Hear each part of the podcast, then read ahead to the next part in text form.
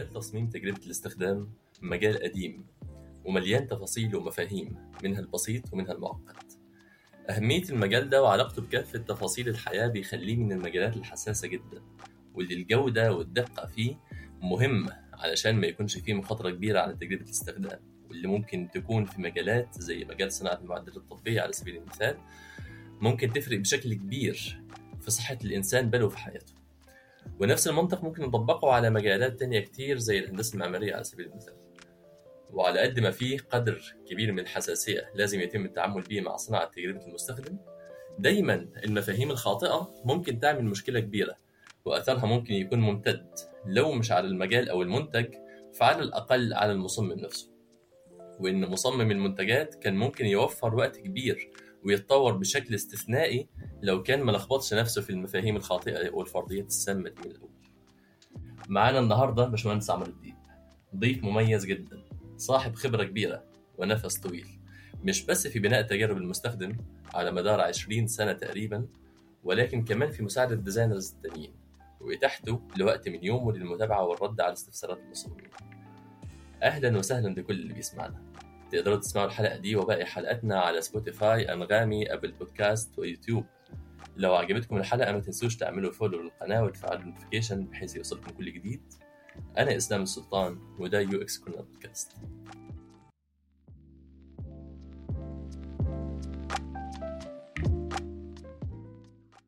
أهلا وسهلا يا باشمهندس. أهلا بيك أهلا بيك يا إسلام. ميرسي جدا على المقدمة الهايلة ديت ويا رب يبقى نفسي طويل معاك في البودكاست دوت إن شاء الله. ربنا يعزك الله يخليك. آه، طيب حابين نبدأ الأول آه، تعرفنا بيك وال background بتاعك. يمكن زي ما أنت اتفضلت وقلت أنا اسمي عمرو. أنا اسمي عمرو الديب. أنا شغال في المجال أو إرهاصات المجال خلينا يمكن هنعرف ده خلال الحلقة. إرهاصات مجال اليو إكس ومجال اليو إكس شغال فيه أنا بقالي آه، حوالي 20 سنة فعلا. أنا بدأت في بداياتي في سنة 2002 آه، وقتها كنت في الجامعة بدأت أشتغل في ما هو ما يعرف بإرهاصات اليو إكس اللي إحنا نعرفه دلوقتي وبعدين أو مجال ال web design بعديها بفترة وانضميت لشركات أنا كنت محظوظ الحمد لله في مجالي في مجال آه، عملي. يعني الحمد لله ربنا كرمني اشتغلت مع شركات كبيرة في مصر آه، زي Link آه، Link dot Net اللي هي بقت Link Development بعد كده. وبعدين انضميت آه، ل ل ITWorx لمدة 11 سنة. آه، قبل ما أسافر وأبقى هنا موجود في الدنمارك أشتغل هنا. أنا دي دي سادس سنة ليا السنة السادسة ليا في الدنمارك هنا. اشتغلت مع LEGO Group ودلوقتي أنا شغال في شركة تانية كبيرة جدا آه، برضو أكبر شركة في العالم للمضخات المياه آه، اسمها Grundfos في الفترة دي كمان كنت عندي حظ كبير إن أنا أشتغل freelance آه، وأشتغل وأتعرف مع على clients كتير من كل المجالات الحمد لله.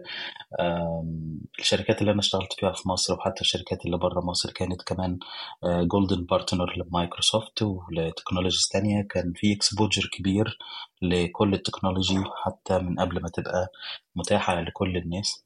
آه، بحكم عملي مع آه، شركات زي ITWorx كنت بشتغل مع الحكومات. آه، مع الشركات العملاقة في مجال الاتصالات أو في مجال الصناعات ال- الكبيرة القوية والشغل دوت خلاني أبقى محتك بال technology من كذا جانب مش بس من جانب صناعة آه، الشكل العام أو ال user experience لأ أنا بقيت أعرف أتكلم لغة ال developers ويمكن دي ال back door بتاعي.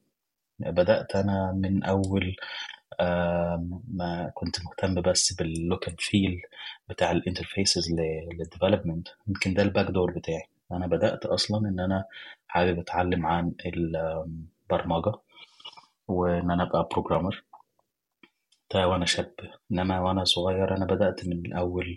من وأنا في إعدادية كنت باخد آه، يمكن كنت قبل كده آه، خدت course لل لل Windows Windows 3 11 آه، مع موظفين في شركة الكهرباء. كنت أنا شاب صغير كده وهم كبار كده بشنبات و... وعندهم أولاد زي كده. وأنا وهم كنا بناخد course مع بعض. فأعتقد إحنا كجيل محظوظين عموما يعني عن الجيل اللي قبلنا. معاك. آه، أفتكر كنا بنتكلم إن أنت فعلا كنت جاي من pure technical background كنت جاي من آه، أو يعني كنت كنت أيوه. engineer قبل ما قبل ما تكون أنا زي ما بحكي لك كنت زي ما كنت حكيت لك قبل كده أنا أنا معايا يعني أنا خريج هندسة مدنية آه، اتخرجت في سنة 2004 آم، أنا كنت حابب أدرس كتير عن ال robots وعن ال programming وعن technology in general بس ده كان بعيد جدا عن مجال دراستي. اهتميت قوي إن أنا أتعلم عن ال technology عن الكمبيوتر. كان لسه ترند وقتها. مش كل بيت كان فيه كمبيوتر مش كل بيت كان عنده إنترنت. فأنا دخلت الجامعة سنة 1998 آه، في 98 أنا كنت بدأت أحتك بالكمبيوتر أتعرف عليه أتعرف على ويندوز أشوف إيه اللي موجود.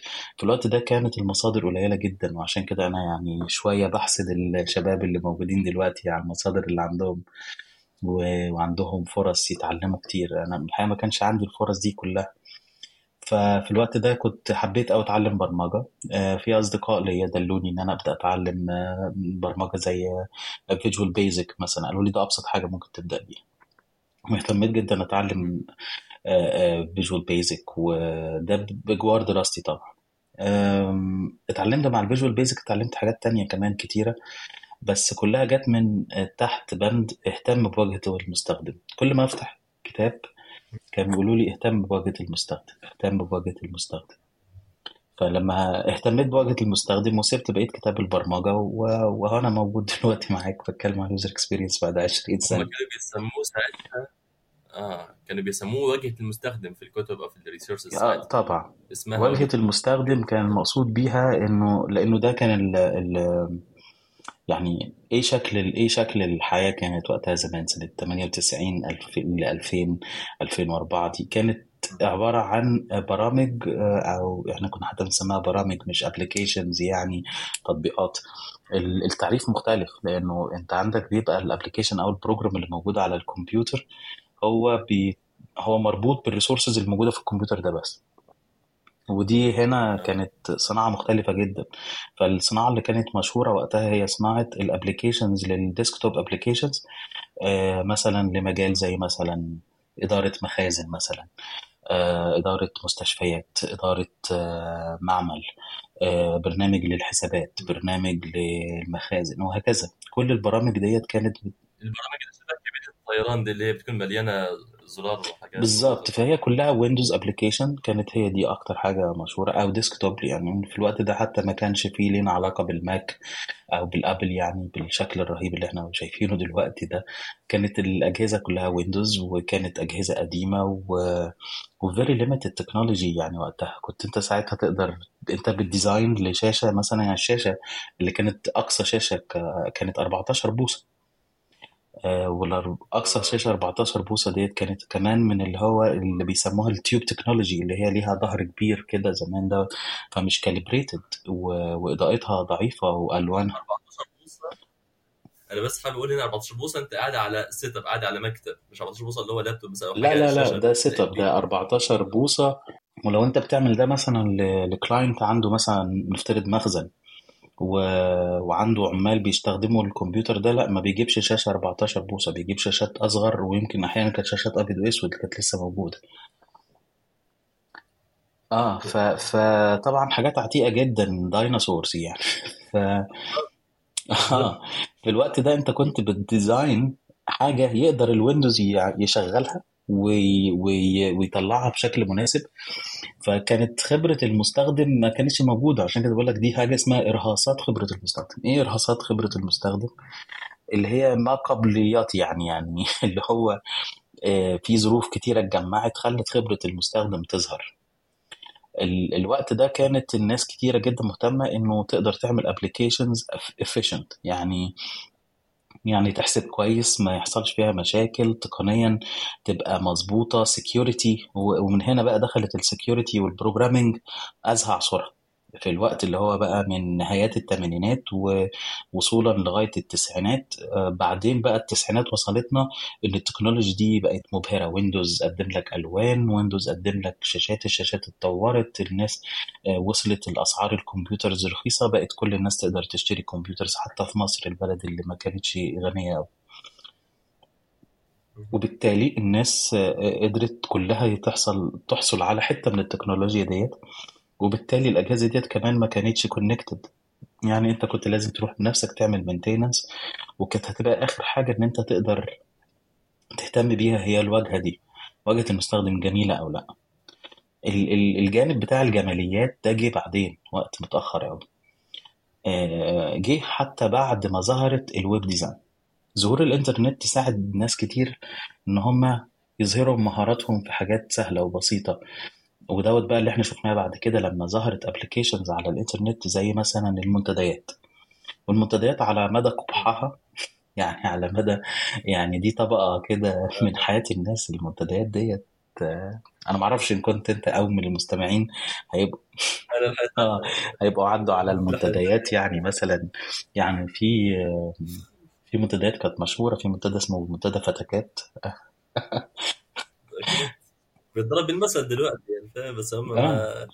ما الأصل ما يعرفوهوش اللي هو يعني الترند ده أو المثل ده اللي هو منتدى فتكات لا هو كان منتدى فعلا ليه جمهور كبير. جدا. وال... والطريف في الموضوع إنه منتدى فتكات كان اللي بدأه آه، شخص راجل ومع آه، والإدارة كلها ما فيهاش أي سيدات ما فيهمش حد اسمه فتكات هو ال... آه بالظبط. هو هنا ده اللي أنا عاوز أقوله إنه اللي حصل فعلا في الفترة ديت كان مهم ومبهر جدا إنه بدأت الناس تكتشف فكرة البيزنس behind ال technology يعني ال technology الناس اكتشفت بعد كده إنه إيه ده؟ آه ال technology دي مش ال مش ال target ده مش الجول إن إحنا نوصل إن إحنا نستخدم ال technology لأ إحنا نستخدم ال technology عشان توصلنا ل target عشان نعمل حاجة مهمة تجيب لنا فلوس وهكذا. فبدأ الوعي ده يتطور. آه وبدأ الاحتياج للناس ال developers آه إن هم يعملوا interfaces كتيرة ومتنوعة سواء كانت بتخدم الإنترنت أو بتخدم ال desktop. يظهر ومنها ظهرت شوية آه يعني نقدر نقول إرهاصات الإنترنت بدأت في وجود ال applications ال online. ال applications اللي هي بتتكرر زي مثلا زي ما إحنا قلنا المنتديات أو ال websites الجاهزة and so on and so on الحاجات ديت plus التكنولوجيا اللي كانت موجودة وقتها إن هي بدأت ت connect الإنترنت. فمثلا نفترض إن أنت مثلا عندك مجموعة مخازن أو مجموعة صيدليات أو مجموعة مستشفيات فبتقدر توصلهم ببعض وي connect وا مع بعض وبدأت تعمل elevation لل applications اللي موجودة. طب ده علاقته إيه بخبرة المستخدم؟ إنه خبرة المستخدم في الوقت دوت سهلت على الناس كتير جدا إن هم يستخدموا ال applications الحقيقية. وجود الإنترنت خلى فكرة ال web design آه، مبهرة وكويسة وسهلة. أنا شخصيا آه، واحدة ده جزء من خبرتي إن أنا اتعلمت حاجات كتيرة جدا. يعني أنا اتعلمت ال video editing آه، واتعلمت animation واتعلمت 3D ويعني أنا اتعلمت 3 دي مع 3D Studio Max واتعلمت مايا وتعلمت AutoCAD وتعلمت آه، اتعلمت Premiere وتعلمت After Effects كل الحاجات دي اتعلمتها. فما كانش في آه، مجال يقدر يطلع كل الحاجات ديت مع بعض وإن أنت تقدر تطلعها في ميديا واحدة آه، زي ال web. ال web كان بيدي إمكانية ال linking يعني ال navigation إن أنت تقدر تروح من حتة لحتة. you create pages you create content بعد كده ظهرت فكرة ال CMS ال content management systems ال systems اللي قايمة على ال content أنا عاوز أقول لك دي بقى الطفرة دي الحركة اللي خلقت ال web design وظهر من هنا صناعة ال web design إنه طب عندنا content كتير.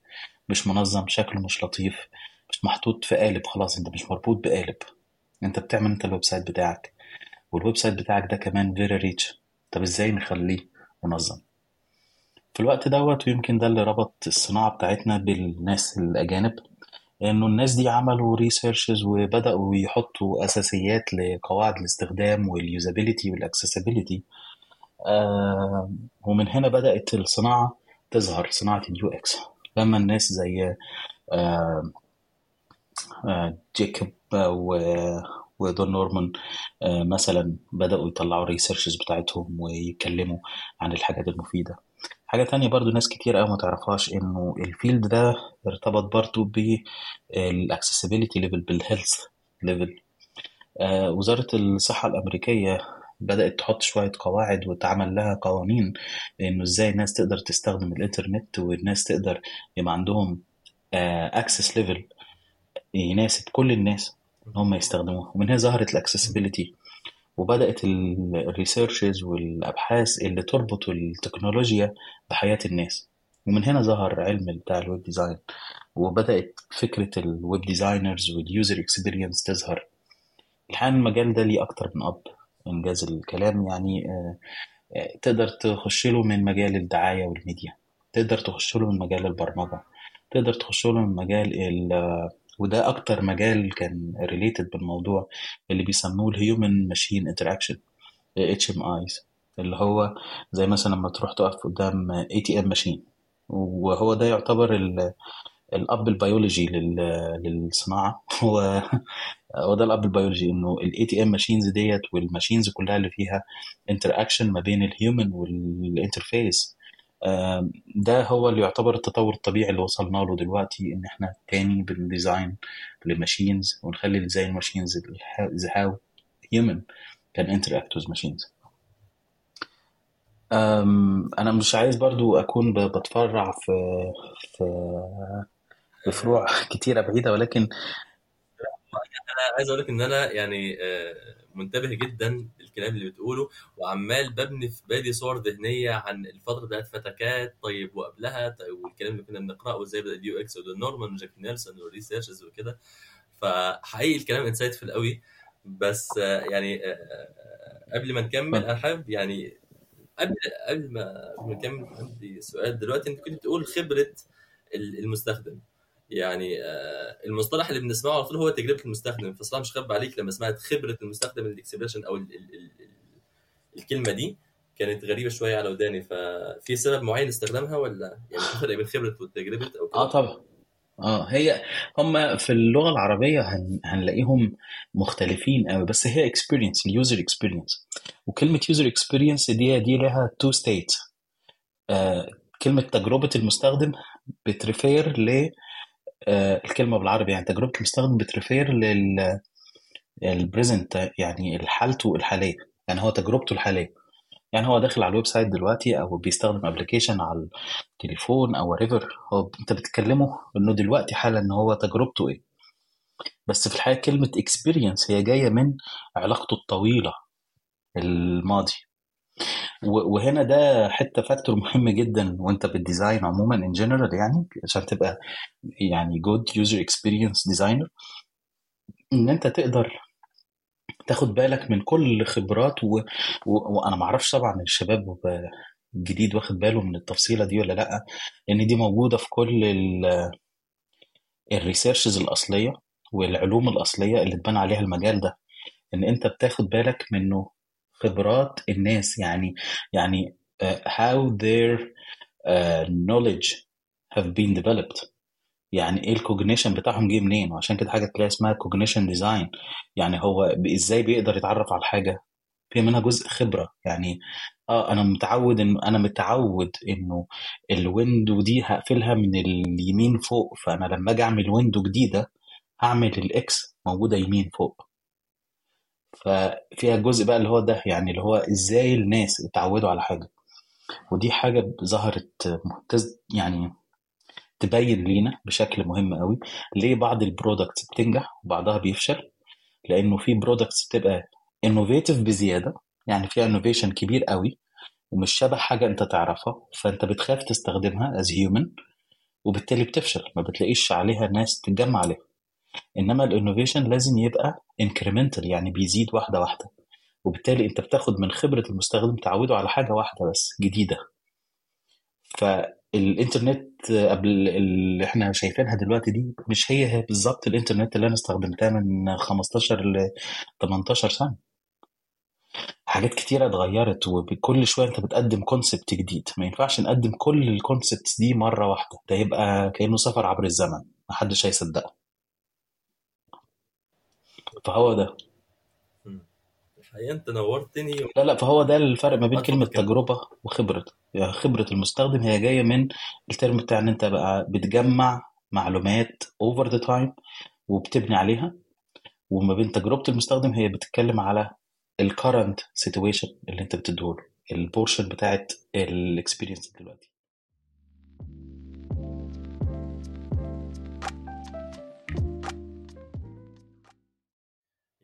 إحنا طبعا هنتكلم عن ال- المغالطات والأخطاء اللي بيقع فيها ال designers دلوقتي بس انت نبهتني أو نورتني على حاجة وانت بتتكلم الفرق بين التجربة والخبرة. إنه تجربة الاستخدام معظمنا وإحنا بن design دلوقتي إحنا بنركز as of now على المستخدم اللي هيستخدمه دلوقتي. في اللحظة دي في في context محدود قوي هو هيعرف يستخدم ال product ده ولا لا. بس مش بنركز خالص على ال long term على حد هيجي بعد فترة على حد من context مختلف على product المفروض يعني يفضل أو تفضل ال value موجودة فيه على المدى البعيد. مش بنحسب ده قوي وإحنا بن design أو بنعمل ال design system بتاعنا أو بنعمل آه ال approach آه بتاعنا. معاك حق معاك حق. دي واحدة من الحاجات اللي أنا فعلا بقيت يعني شكرا جدا أنت آه، يعني نورت المنطقة دي. ال- الحتة اللي أنت بتقولها دي حتة مهمة جدا إنه أنت تقدر آه، تجهز ال users بتوعك للي جاي بعدين لو أنت محتاج كده أو تقدر تستخدم معلوماتهم اللي موجودة قبل كده. يعني واحد من القبل يعني دي اسمها الاستراتيجي لازم يبقى عندك design strategy لازم يبقى عندك approach زي ما انت اتفضلت وقلت حالا. الحاجات دي تبقاش مربوطة في الزمن الحالي بس دي بتبقى اسمها يعني لازم تعدي على ما فات والحالي وال future بتاعه. وبالتالي لو انت بتعمل ال application بتصمم application خليني اديك example من real life example أنا كنت ب design application المفروض العمال في مخزن كبير في واحدة من الشركات اللي اشتغلت فيها. آه، مخزن كبير جدا والعمال عاملين لهم إحنا application بال technology آه، مع تابلت والناس قالوا عاوزين نحط تابلت في في مكان العمل اللي يخش العامل يوزن يوزن الحاجات. آه، ويدخل على التابلت الوزن بتاع الحاجة ويقول نوع الحاجة ديت إيه. يعني مثلا أنا وزنت بلاستيك وزنت ورق وزنت خشب. okay؟ ويحطها في مكانها ويعمل وال application يطلع لنا report آخر اليوم. application بسيط و straightforward مش كده؟ ما حدش استخدم ال application ده. الناس فضلوا يستخدموا ال technology القديمة اللي هم بيستخدموها. طب هم كانوا بيستخدموا إيه قبل ال application ده؟ كانوا بيستخدموا ورق وقلم. وفضلوا يستخدموا الورق والقلم. طب ليه فضلوا يستخدموا الورق والقلم؟ علشان الورق والقلم أضمن ليهم من ال technology. ولقيتهم يعني عملت research واتكلمت مع الناس ولقيتهم بيقولوا إجابات عارف بيلوعوا يعني بي- بيدوا إجابات غريبة جدا ومن بعيد. وفين وفين عرفت السبب الرئيسي؟ آه، يعني بيقول لك مثلا إيه لأ أصل هو هيبقى في المطر وفي الهواء وبتاع وممكن يبوظ. لأ أصل هو مش عارف إيه أصل هو مش محمي اصله فين وفين عرفت السبب الرئيسي؟ السبب الرئيسي إنه كان اتحط على tablet ال tablet ده قيمته كبيرة وغالي. لو وقع من حد منهم واتكسر ممكن يدفع مرتبه كله. وبالتالي أنت لما تشوف ال context الحقيقي تقدر ت design التجربة. واو فهو مش مرتبه قد عايز فمش عايز يمسك حاجة غالية. فمش عايز يمسك حاجة غالية زي فهو آه مش ضد الابليكيشن هو مش ضد التكنولوجيا بس هو هي ضد إن أنت تاخد مرتبه مقابل غلطة هو ما طلبهاش. هو لو معاه ورقة وقلم ما ما تولع الورقة والقلم عشان يحصل لهم حاجة يجيب غيرهم. بالظبط. هي الحسبة مش حسبة آه، يعني good design بمعنى إن هو good product أنت شايفه قدامك سواء حتى مش هقول لك ألوان أو interface يعني كده حتى على ال experience أنت بتبص على يعني آه، ال context المضمون. يعني معنى عام يعني ال context عام. يعني انت عندك مش بقول لك بس ال users ال market اللي انت تطلع فيه ال segment اللي انت بتتعامل معاها. المثال ده insightful قوي إن هو فعلا تابلت نظيف ال product نظيف الكلام كله شغال زي الفل و useful جدا. ما هيطلع لك reports كويسة. لكن هو مش بالظبط. هيستخدمه وبعدين من الآخر. وبعدين بيشتغلوا مع شركة عملاقة يعني عالمية شركة عالمية وعملاقة يعني معاها فلوس كتيرة مش فارق معاهم تابلت يتكسر بس ال concept ده مش واصل لهم. ليه هم كانوا عمال بي- بيجوا يتأجروا لفترة معينة ويمشوا؟ فهم مش شغالين طول الوقت مع الشركة دي. فهو عارف إن هو ممكن يجي وما يجيش تاني مم. وما ياخدش مرتب أو فلوس بتاعت الأسبوع بتاعه بسبب إنه التابلت اتكسر بسببه هو. فهم فضلوا فكرة الورق والقلم. ويرجعوا بالليل كانوا أصل المشكلة الأساسية كانت فين برضو في ال application ده ال application ليه عملنا ال- التابلت وحطيناه في وسط العمال لأنه العمال كانوا بياخدوا الورق والقلم ويروحوا آخر النهار. يعملوا report على Excel sheet طريقة قديمة جدا وعقيمة بس كانت مشكلتها الأكبر مش إن هي قديمة آه. وعقيمة مشكلتها إنه الناس بت report حاجة غير الأرقام الحقيقية ليه؟ لأنه بينسى أو الورقة بتضيع منه وبالتالي كان في آه مشكلة accuracy في الداتا data accuracy. فأنا حطيت ال parameters بتاعتي على ال- ال factor اللي أنا عايز أقيسه هو ال accuracy بعدين لقيت إنه لأ الناس دي مش هتعرف برضه تستخدم ال technology. فكان الاقتراح بتاعي بسيط جدا. قلت لهم لازم أنتوا كشركة توضحوا للناس. حدود المسؤولية إنه ده مسؤوليتنا ما تخافوش من استخدامه. حاجة تانية لازم تحطوه في حاجة guard كبير وحامي بحيث ان هو يبان قدام الناس إنه safe فيساعدهم إن هم يستخدموه ما يبقاش خايف إنه يستخدمه تحط لهم في حتة safe ومتثبت بحيث إن هو يحس إن هو أمان إنه يستخدمه مش هيقع وهو بيستخدمه فأنت بتحل مشاكل بره ال application فإحنا ما بنتكلمش بقى الزرار ده شكله إيه ولونه إيه. مقاساته وال... أنت بتتكلم في إنه إزاي أصلا تخلي الناس تستخدم ال technology. فأنت لما بتفهم ال bigger picture بنتكلم في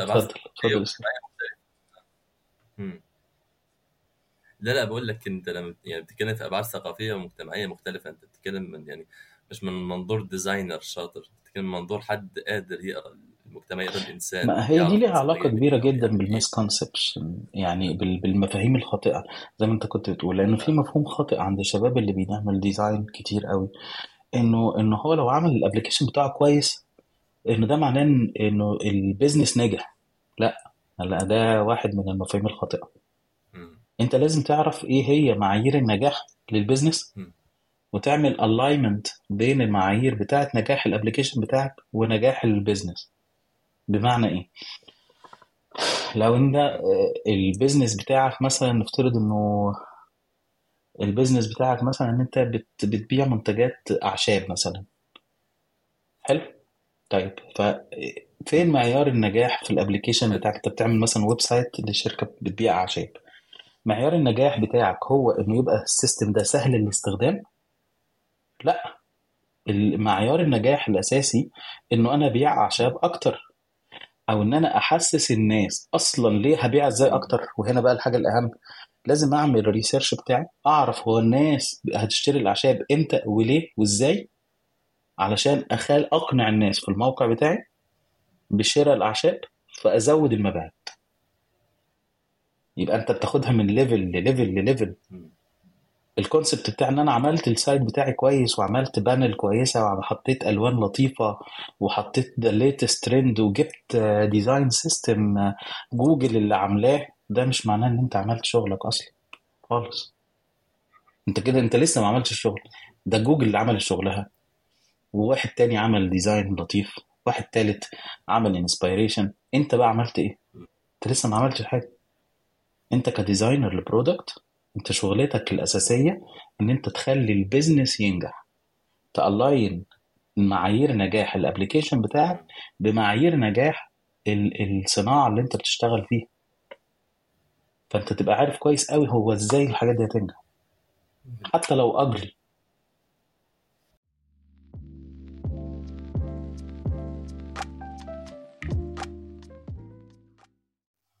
دي point مهمة الصراحة. في يعني إحنا قلنا من أول ما بدأنا قلنا كذا مرة ال good user experience good design التصميم الكويس. بس برضو ال- الكلمة دي بتكون معياريه شوية اللي هو التصميم الكويس. تصميم كويس شكله حلو. تصميم كويس ال flow بتاعه مظبوط. تصميم كويس ان هو كل ال edge cases اللي فيه محسوبه بس تصميم كويس اللي هو بيخدم المستخدم. عارف المستخدم مين أصلا يعني؟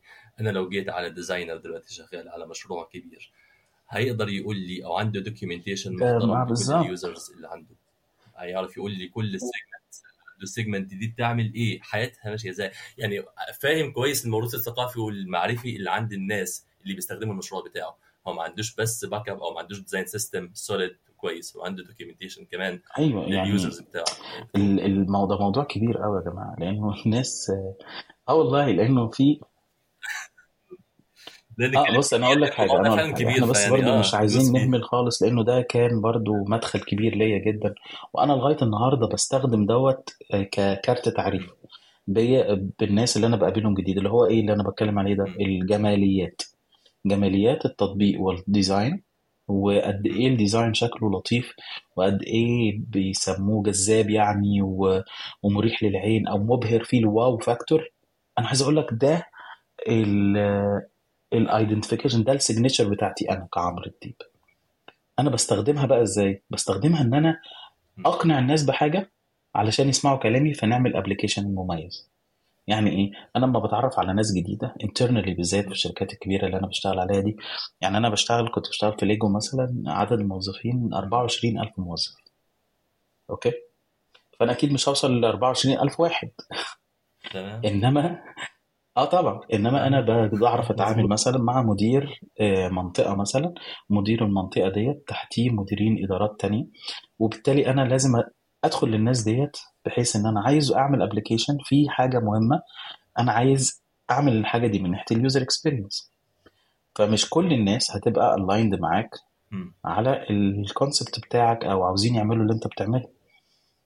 لغاية اللحظة دي واليوم اللي إحنا فيه وفي البلد اللي أنا فيها. زيها زي من 100 سنة فاتت وأعتقد still هتفضل ان في ال future مش كل الناس هتبقى aligned معاك على ال value بتاعت ال user experience لسه لغاية اللحظة اللي إحنا فيها ديت وفي الوقت اللي إحنا فيه ده رغم تطورها مش كل الناس شايفة إنه في value لل user experience وبالتالي انت بتحتاج تعمل دورك ده over and over انت تعلم الناس هي إيه ال value بتاعت ال user experience وهنا في اللي أنا بقصد بناس مثلا زي ما أنا بحكي في ال case بتاعتي مدير إدارة متحكم مثلا في application هيشوفه مثلا 10000 موظف هيستخدموه. فلو هو حكم راسه وقال لك لا أنا عايز أعملها بالطريقة. الفلانية والطريقة ديت صعبة على المستخدمين مثلا. زي إنه مثلا كل مرة لازم يدخل user name و password طب ما ممكن نسيب ال user name وال password فأقول له إن دي حاجة أبسط. هو لو مش مقتنع بال value هينفذ اللي هو عايزه برضه. ده هو مدير كبير وعنده ال power أكتر منك رغم إن أنتوا الاثنين زملاء في نفس ال organization بس هو بيبقى عنده power و authority أعلى منك. وبالتالي أنا أستخدم الكارت الضغط بتاعي بإن أنا أعمل حاجة شكلها جذاب ومبهر و wow factor فيحس إنه آه هو أنا أسمع هو الراجل بقى صاحب الإدارة ديت أو مدير الإدارة يقول لك يا أنا أسمع عن ال designers إن هم آه، جامدين. آه هو ده بالظبط. فدي بيسموها matching ال stereotype لما بعمل matching ال stereotype آه خلاص يبدأ يسمعني. مش بس matching ال stereotype ده أنا كمان أبدأ أتكلم لغته. أقول له بص مش ده شكله مش كويس بس وجميل و creative. لا ده كمان هي save كذا time هيعمل قد كده من الفلوس هيعمل قد كذا من راحة الموظفين. ال total وبعد كده أتكلم بقى عن ال value اللي بيسموها ال return on investment على الحاجة دي. يبدأ يسمعني يبدأ يديني إيه بقى؟ يديني جزء من ال authority بتاعته. لما يديني جزء من ال authority بتاعتي أقدر اعمل design بجد مفيد للناس التانية دول. ال 10000 موظف اللي هيستخدموه. فطبعا ال- ال- الجماليات ليها تأثير كبير وكل حاجة. بس عمرك ما تعرف تستخدم الجماليات لوحدها علشان تعمل product مفيد؟ ولا هتعمل product مفيد و ugly برضه يوصل للناس. يعني يعني ال balance مطلوب. وفي نفس الوقت المغالاة برضه آه، غير مطلوبة. مغالاة في ال... في إن أنت بس تبقى مثلا super. duper بس quality بتاعت ال alignment وال... و... وفي نفس الوقت ما تبقاش أنت برضو ugly تعمل application ugly تقول لي لا أصل المهم ال value هي دي ال- ال balance ده هو اللي بيخليك تعمل application كويس ده ال good user experience يبقى ال good user experience ممكن نقول إنه أهم حاجة alignment آه. بتاع معايير النجاح مع معايير نجاح ال business بعدين إن أنت تعمل ال research بتاعك وتفهم الناس بتوعك كويس وال users كويسين عشان تعمل تجربة كويسة. بعدين أنت والحاجة المهمة التانية كمان التالتة إحنا زي ما قلنا ال balance ما بين الجماليات وال value أنا بحس إنه في مشكلة في في تحديد الأولويات بتاعة ال designer أو ال design لما يكون في شركة كبيرة أو صغيرة.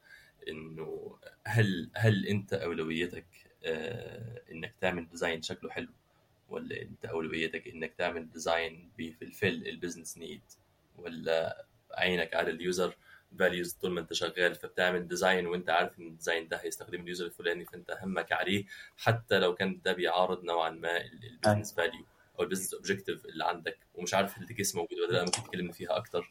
فهي مشكلة بس في آه. الأولويات أنت أولويتك إيه وهكذا. ال design ده لازم يعني ما ينفعش يكون enjoy يعني في في متعة و enjoyable وكده وال desirable بس مش accessible أو مش usable enough يعني فاهمني؟ هو لازم يكون usable and طبعا معاك حق. بس أنت تعرف منين إن هو هيبقى usable ولا لأ؟ لازم تعمل research بتاعك ولازم تعمل يعني يعني ودي الحاجة من الحاجات اللي ناقصة. أنا برضو كنت من الحاجات اللي أنا ملاحظها كتير عند الشباب اللي اللي بي- بيبدأ ال design انه إنه بينسى الأساسيات بتاعة المهنة دي.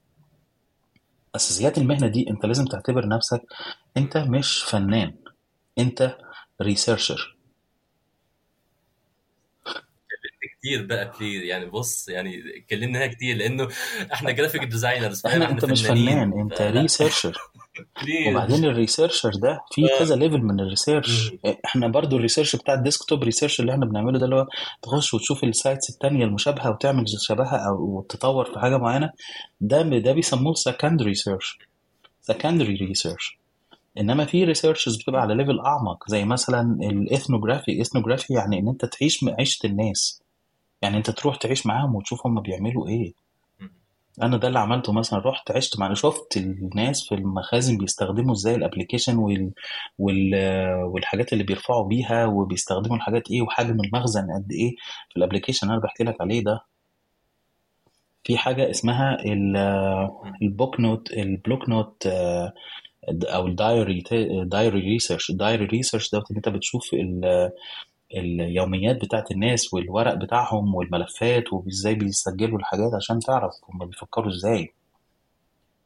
في في كذا level انت researcher researcher يعني كأنك رحت كده القطب الشمالي انعزلت عن العالم وقاعد تتفرج على البطاريق الملكية وتشوف هم يا ترى هيعملوا إيه. فانت تقعد هناك قاعد انت بس تراقب. أنا في application تاني آه برضو كنت بعمله. نزلت وقفت أنا تحت على الباب application. شغلته إن أنت بت as guest بتخش لل building بتسجل نفسك. أنا جالي دعوة من الفلان الفلاني وأدي بياناتي وتصور صورة لنفسك وتاخد ال card بتاع ال access card وبتستنى الايه ال- ال host الراجل المضيف ليك أو السيده المضيفة ليك. وبتدخل المبنى. أنا وقفت وقفت ساكت ماسك ورقة وقلم بس أسجل اللي بيحصل. كل يوم آه الراجل ده مسك الورق وقعد ده قعد خمس دقايق ماسك stopwatch ده قعد دقيقة ده قعد دقيقتين ده قعد خمسة. ده ساب ده راح ما بين ال ال ال front office وال application ثلاث مرات. ده باخد ملاحظاتي. observation ده شغلتي. ده شغلي. ده أكل عيشي. مش شغل إيه؟ مش أكل عيشي بس إن أنا أعمل ال application وسلمته. لا. فهو كتير جدا بيحصل لينا. وده حتى أنا. يعني مش دي حاجة مش عيب إن أنت آه، عندك ال day to day task إن أنت بتستلم شوية requirements وتنفذها وتسلمها. ده مش عيب. ولكن العيب إن أنت تستمر على كده ما تطورش في نفسك ما تبقاش عارف انت إزاي بتتطور في المهنة بتاعتك ولا إيه اللي مهم أصلا انت تشتغل عليه. أنا أنا عشان كده حتى ب- بلخصها للناس انه في ثلاث مراحل لل ثلاث مراحل لل designer بيعدي عليهم. مرحلة الشباب دي اللي إحنا بنعدي عليها وبنشوفها كلنا أنا حتى أنا بسميها مرحلة ال super hero. super hero. ده super hero هو بيبقى شايف نفسه super hero وهو فعلا بيبقى super hero خصوصا لو انضم لشركة جديدة كل الناس بتديله ال tasks. أي task هو ياخدها يبقى عاوز ياخد ال tasks كلها عاوز يشتغل على كل حاجة عاوز ينفذ حاجة هو super hero علشان هو كمان he cleans others يعني ناس. يعني هو الناس بتبهدل وهو آه. ينظف آه. عنده طاقة و energy و fresh وعاوز يعمل حاجات كتير. هنا بيبقى محتاج هو بيكتسب إيه هنا؟ بيكتسب خبرة ومعرفة آه، باللي حواليه. ودي حاجة حلوة جدا وكويسة. تمام؟ بس لازم يبقى عارف إن دي مرحلة. لازم يتنقل بعديها المرحلة اللي بعديها اسمها مرحلة الإيه؟ ال normalization normalization خلاص بقى بني آدم عادي. بقى عنده tasks و... وعارف يومه وشكله إيه وعارف اللي إحنا بنقول عليه قرف الشغل بقى. يعني في هنا حاجات مهمة في حاجات مش مهمة في ده حد بيصدعني أنا عملت نفس ال task دي مئة ألف مرة أنا عاملها تاني ليه؟ طب أفكر في طريقة تانية جديدة عشان توفر عليا وقت. ما هو بدأ بقى يبقى عنده خبرة. فدي بيتعلم فيها حاجة اللي هي المهارات skills آه. وبيتعلم بقى إنه تظبيط الشغل أهم من الشغل. يعني يعني دي مرحلة بقى تظبيط الشغل أهم من الشغل. يعني علاقات مع الناس. دي كلمة عبقرية آه ما أنت. من الشغل دي يعني. صراحة مفهوم لسوق بتتعلم يعني مثلا هو إن ال networking مهمه ال skills بتاعت ال presentation بتاعتك تبقى أحسن. إن إن إن ممكن تعمل tools بت automate شغلك. إنه إن أنت تنتقل من tool ل tool مش بس. الناس دي بتقولك عليها. تبدأ تعلم ناس تانيين علشان يعملوهم. تبدأ ت guide ناس علشان يعملوا الحاجات ديت. بعد كده بتعدي على مرحلة اسمها ال daredevil بقى.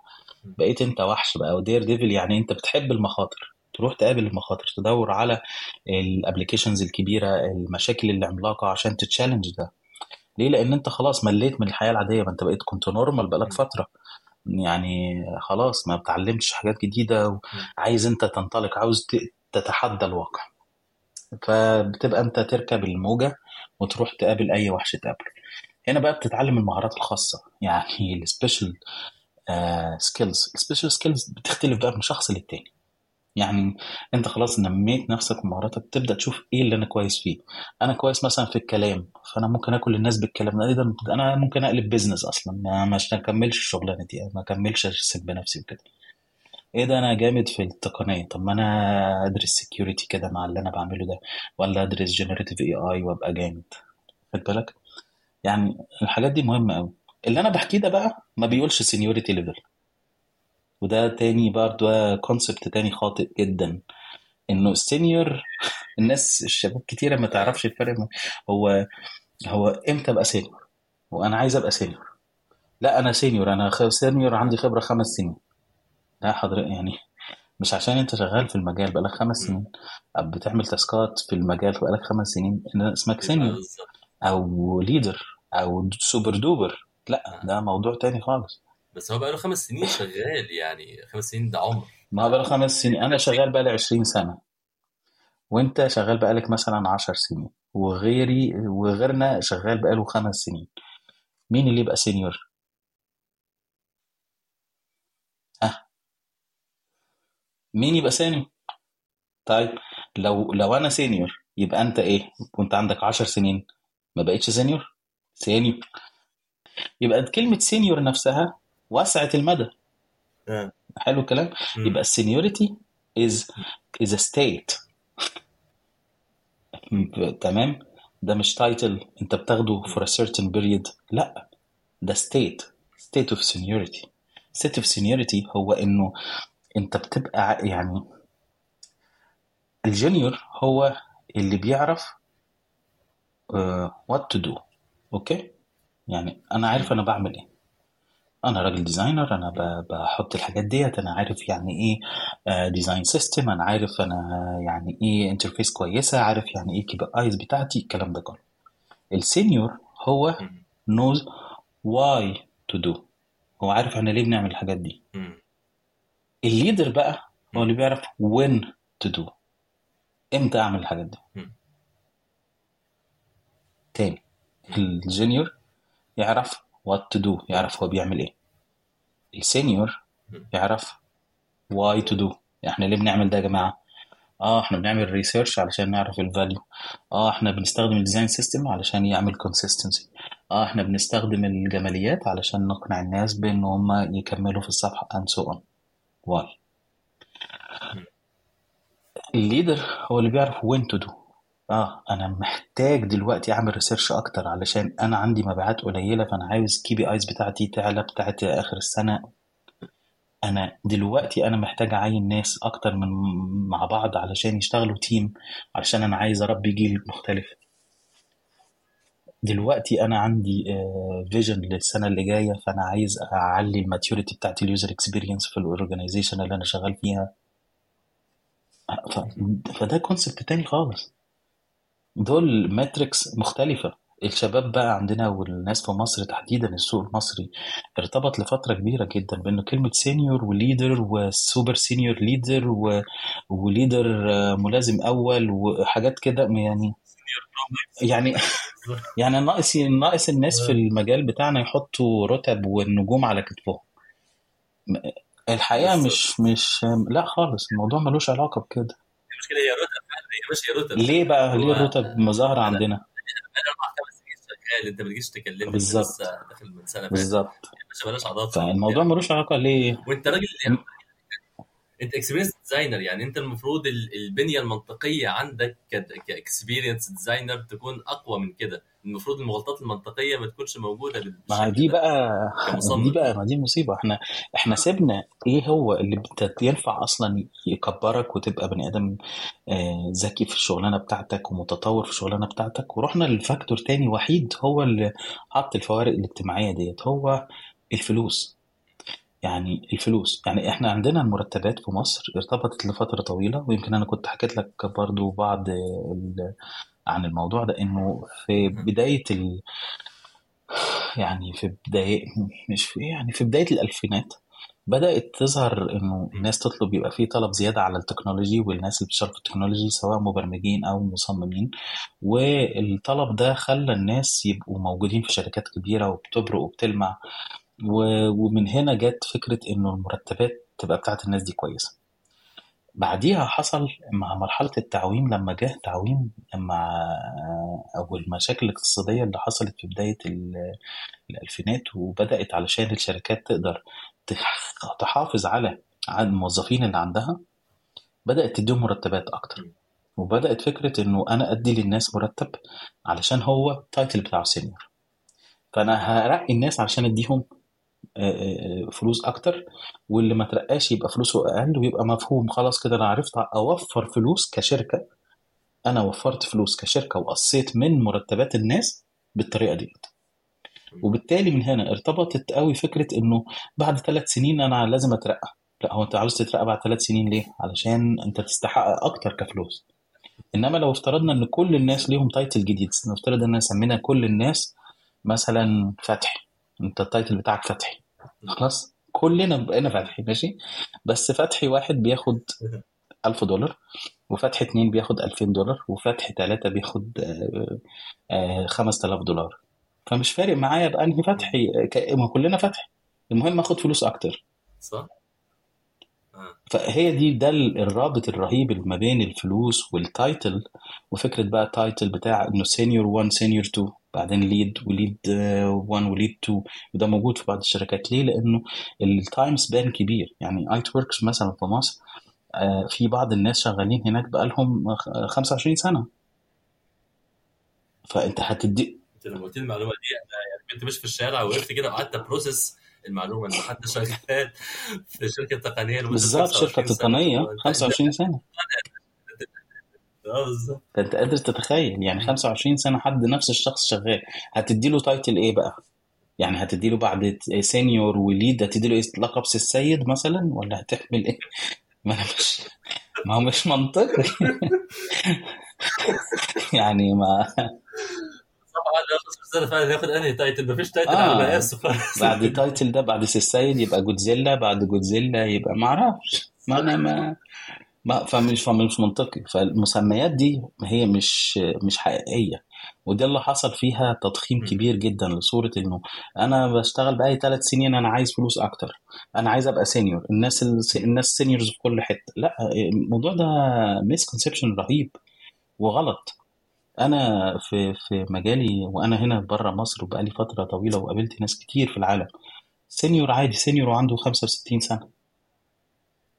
عادي هو اسمه senior developer مثلا أو senior engineer أو senior designer.